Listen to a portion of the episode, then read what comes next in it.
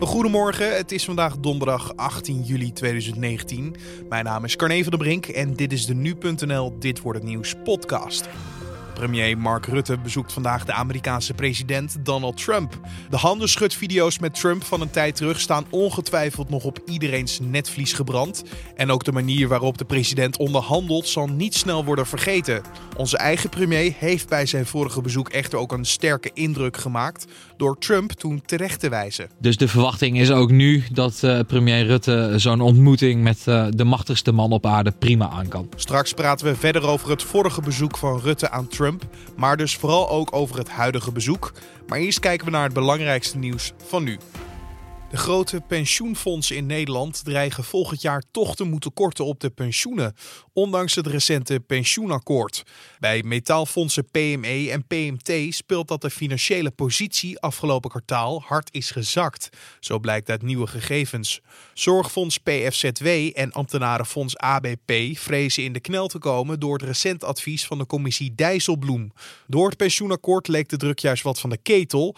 Kabinet, werkgevers en vakbonden spraken af dat de fondsen de pensioenen pas hoeven te verlagen als hun beleidsdekkingsgraad onder de 100% is gezakt. Dat is een graadmeter die aangeeft in hoeverre de fondsen aan hun verplichtingen kunnen voldoen. Deze lag eerst hoger, maar als gevolg van de ontwikkelingen op de financiële markten en de lage rente gaat het de laatste tijd zo slecht dat het nog maar de vraag is of de fondsen eind dit jaar aan de verlaagde minimumgrens kunnen voldoen. Als de fondsen begin volgend jaar onder de kritische grens uitkomen, moet er ingegrepen worden. Ook in Caribisch Nederland komt er een verbod op wegwerpplastic. Bonaire, Sint Eustatius en Saba verkopen per 2021 geen plastic rietjes, bestek, tasjes en dekseltjes meer die maar eenmalig kunnen worden gebruikt. De eilanden willen op deze manier de natuur beschermen en druk op de koraalriffen wegnemen. Want wegwerpplastic is verantwoordelijk voor meer dan 70% van het zwerfvuil op zee. De Spaanse inlichtingendienst CNI wist op de dag van de bloederige aanslagen in Barcelona en Cambrils dat er een aanval kon komen. Dat schrijft de Spaans online krant Publico na een jaar onderzoek op basis van geheime politiedocumenten en bronnen binnen de inlichtingendienst. Bij de aanslagen in 2017 kwamen in totaal 17 mensen om het leven. Meer dan 130 mensen raakten gewond. En het merendeel van de slachtoffers kwam om het leven toen met een bestelbus werd ingereden op de Ramblas. De dag daarna reden vijf terroristen in op een stel voetgangers in de kustplaats Cambrils. Eerder was al bekend geworden dat het brein achter de aanslagen, Abdelbaki Essati, een informant was voor de inlichtingendienst. CNI weigerde details te geven in welke periode dat gebeurd zou zijn, maar uit onderzoek van de online krant blijkt dat hij tot twee maanden voor de aanval met de inlichtingendienst communiceerde. Toen was Essati al bezig met het produceren van bommen. Een resolutie van democraat Al Green in het Amerikaanse Huis van Afgevaardigden om een afzettingsprocedure te starten tegen president Donald Trump heeft het niet gehaald. Met 332 tegen 95 stemmen werd de resolutie verworpen. Green, die eerder al twee pogingen ondernam om een afzettingsprocedure op te starten, greep de felbesproken recente tweets van Trump aan om opnieuw een poging te wagen. De president schreef zondag namelijk in de bewuste tweets dat vier vrouwelijke democratische congresleden beter terug te kunnen gaan naar het land waar ze vandaan komen om zich daar in te zetten voor de mislukte en door misdaad geteisterde plaatsen. In de rechtszaak waarin Kevin Spacey wordt beschuldigd van aanranding is geseponeerd, zo meldt persbureau Reuters. De zaak gaat volgens rechtsdocumenten niet door wegens de onbeschikbaarheid van de aanklager. De man liet begin juli tijdens een zitting in de zaak weten zich te beroepen op zijn zwijgrecht. Uit documenten blijkt dat de aanklager afgelopen zondag werd geïnformeerd door de rechter dat als hij zich aan zijn zwijgrecht zou houden, de rechtszaak geen doorgang meer zou vinden. De man besloot vervolgens na overleg met zijn advocaten af te zien van de rechtszaak. Spacey zou de man, die ten tijde van het incident 18 jaar was, destijds minutenlang onzedelijk hebben betast en zijn gulp hebben opengeritst nadat het vermeende slachtoffer om een foto en een handtekening vroeg. De 59-jarige House of Cards acteur heeft altijd gezegd dat hij onschuldig was. Een papierrecyclingbedrijf in Staphorst is in de nacht van woensdag op donderdag verwoest door een forse brand. De brandweer moest snel opschalen en kreeg het vuur pas na enkele uren onder controle. Het vuur brak rond middernacht uit en iets na twee uur werd het zijn brandmeester gegeven. Het nablussen kan nog tot donderdagmiddag duren en over de oorzaak van de brand is ook nog niks bekend. Vanwege de hevige rookontwikkeling werd er een NL-alert verstuurd, waarin mensen werden opgeroepen om uit de rook te blijven, ramen en deuren te sluiten en ventilatie uit te schakelen. Omliggende woningen werden ook ontruimd, maar voor zover bekend zijn er geen gewonden gevallen. En dan kijken we naar de dag van vandaag, oftewel dit wordt het nieuws. Premier Mark Rutte bezoekt vandaag de Amerikaanse president Donald Trump in het Witte Huis.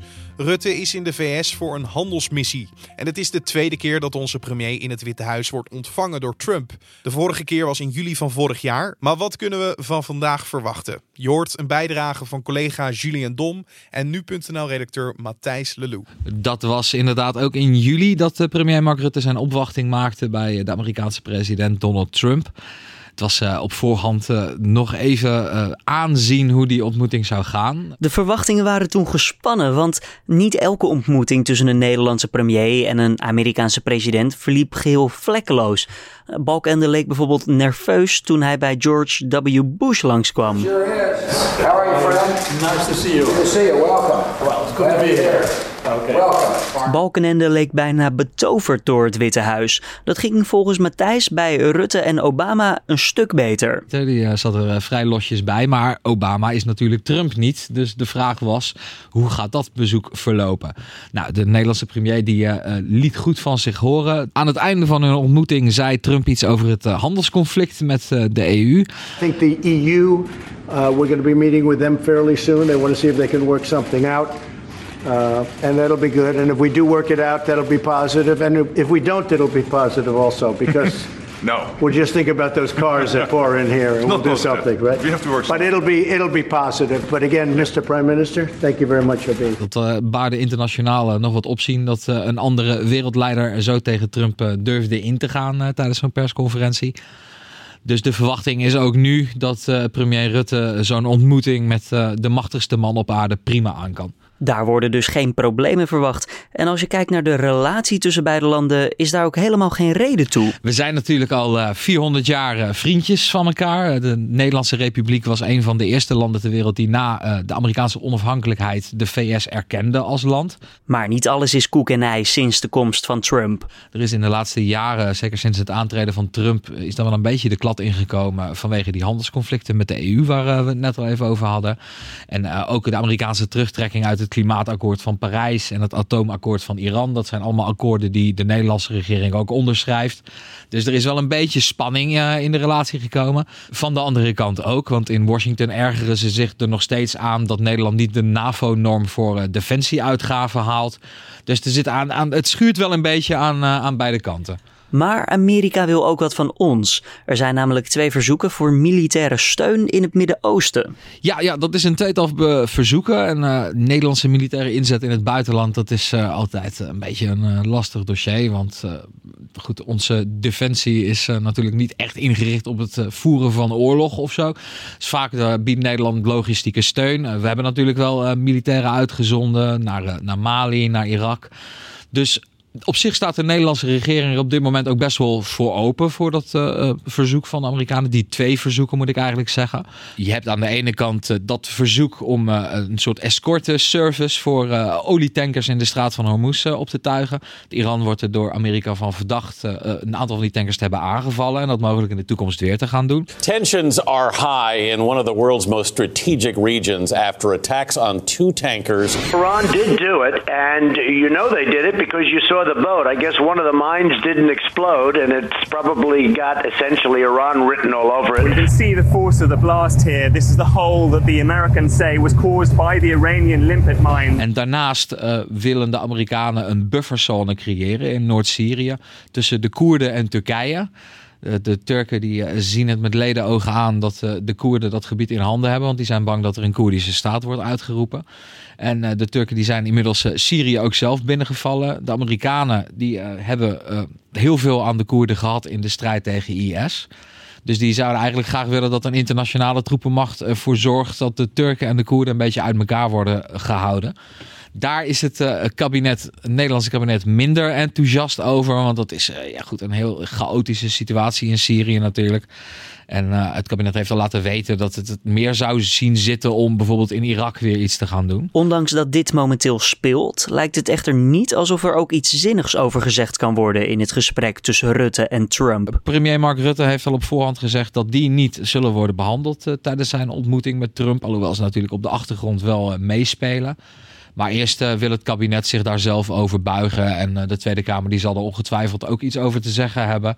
Dus uh, tot die tijd wordt het, houdt Rutte zich wat dat betreft nog een beetje op de vlakte. Wel heeft Rutte in ieder geval laten weten dat hij niet van plan is om af te wijken van het standpunt van het Nederlandse kabinet om Nederlandse Syriëgangers terug te halen naar ons land.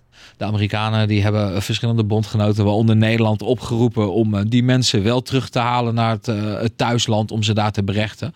Maar het uh, kabinet blijft van het standpunt dat het nog te onveilig is in uh, Syrië en Irak om daaraan te beginnen. Maar dan rijst natuurlijk de vraag, waar kan je wel over praten? Ja, Rutte die heeft al op voorhand gezegd dat hij de Amerikaanse president er nogmaals op zal uh, wijzen dat Nederland en de Verenigde Staten al honderden jaren goed bevriend zijn.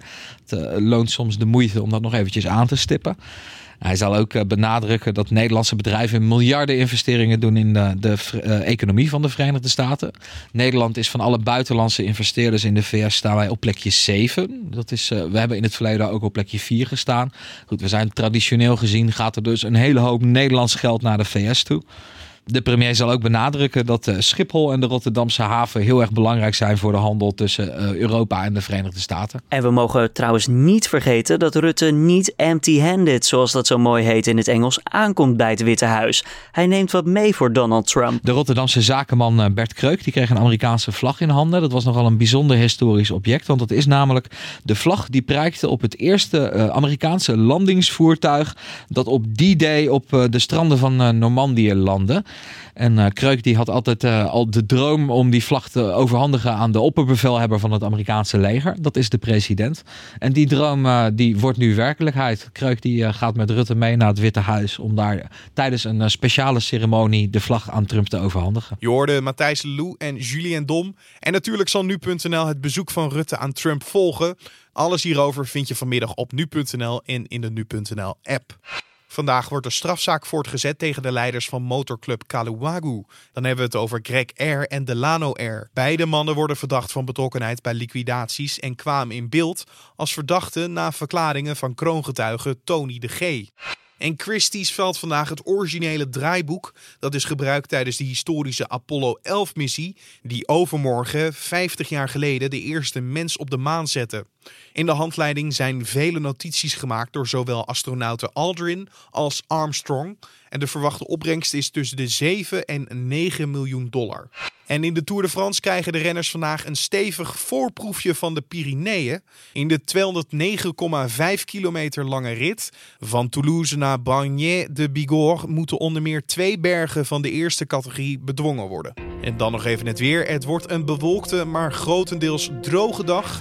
In de middag kan het alleen in het noordoosten gaan regenen. Later vanavond ook in de rest van het land. En het wordt vandaag zo'n 20 graden tot 26 graden. En om af te sluiten nog even dit. De remake van de klassieke Disney-film The Lion King draait vanaf deze week in de bioscoop. De recensies zijn wisselvallig. Zo schrijft Rolling Stone magazine dat de film hart, ziel en originaliteit mist. En volgens de New York Times is het lastig om echt een connectie te krijgen met de bekende personages. Toch is vrijwel iedereen het erover eens dat de animaties prachtig zijn. Collega Jean Verhoeven sprak met componist Hans Zimmer, die ook de muziek maakte voor het origineel uit 1994. Daar was hij toen niet helemaal blij mee.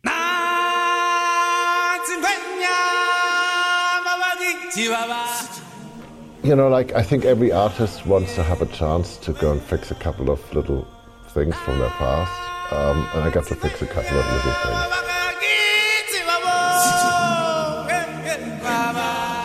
There were there were a couple of things which which just always annoyed me in the old one.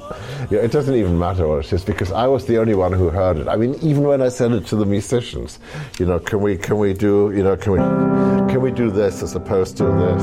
You know, they're going, why does it bother you? I'm going, this is wrong with the colors, you know. so it's just,